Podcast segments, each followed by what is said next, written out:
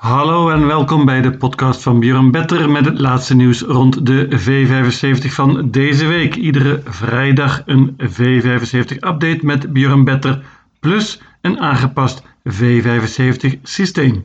We gaan deze zaterdag naar Bolnes, een paar honderd kilometer ten noorden van Stockholm.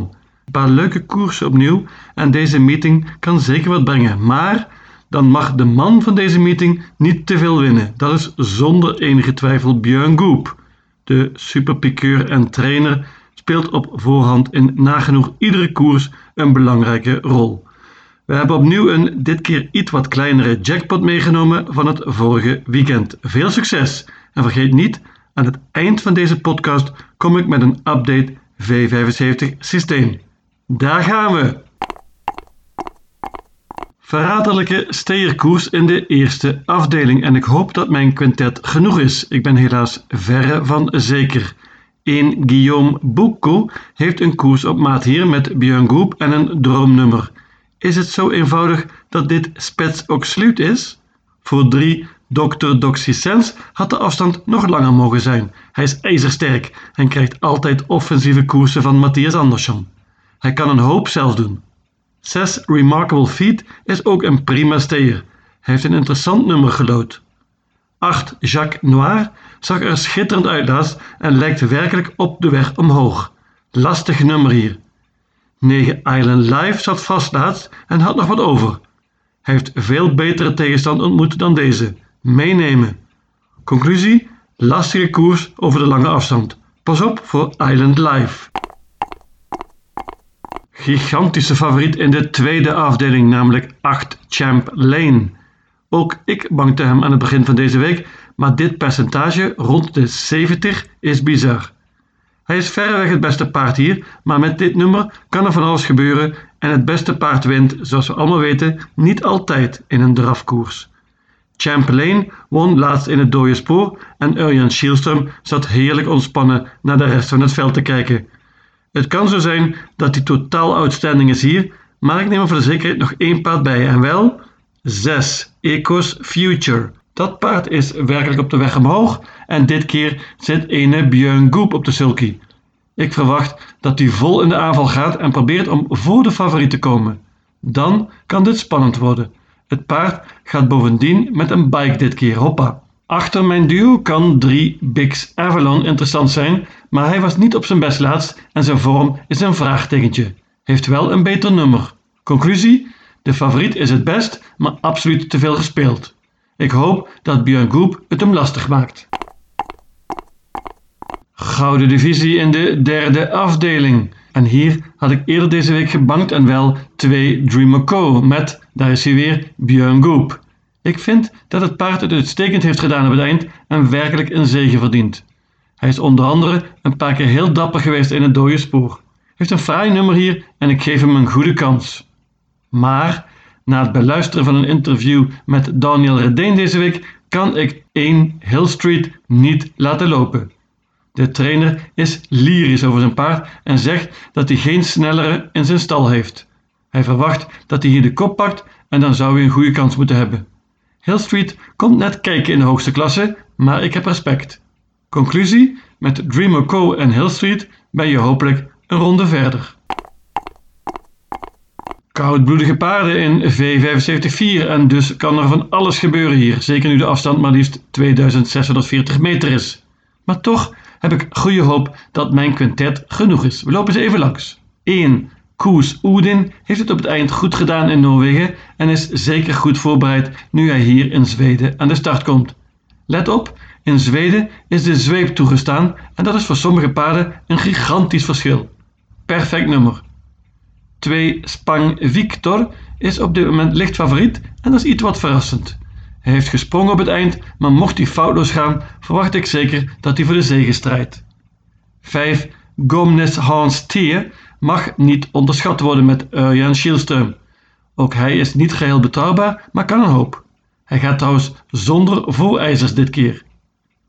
8. Piedemo zal op het eind wellicht toch de favoriet worden. Hij is in topvorm en heeft een paar goede zegens op rij. Ulf Oelson is al weken in goede zomervorm en wint veel. Hij is waarschijnlijk de beste koudbloedige piqueur van de wereld. Vergeet 10 Huisnes Elving niet. Die is op dit moment 2% en dat is echt veel en veel te weinig. Hij is veel beter dan de laatste resultaten doen vermoeden en Björn Goop is altijd interessant. Conclusie? Leuke steerkoers voor koudbloedige paarden. Pas op voor Huisnes Elving. Nog een steerkoers in V75-5. Dit zag er na een eerste aanblik vrij open uit, maar hoe langer de week duurt, hoe meer ik geloof in 2 T-Rex Face. Hij maakte niet echt veel indruk laatst in het debuut voor zijn nieuwe trainer Goop, maar ik verwacht dat hij nu veel beter is met die koers in de benen. Hij heeft perfect gelood en gaat ook nog eens zonder ijzers dit keer Holladier. Het paard kan goed vertrekken en in een niet al te bloedige omgeving geloof ik in Spets Oxluut. Hela werk Björn!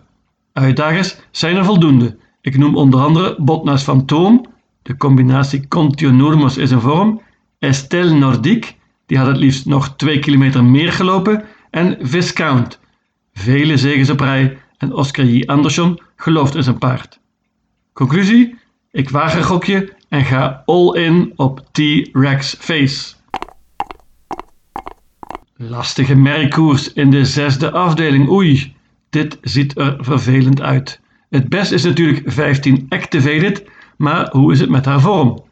Ze was echt niet op haar best laatst en heeft wellicht meer koersen nodig om in vorm te komen. Ze is een toppertje en won vorig jaar zowel Dortningens Pokaal als Stoe Championatet.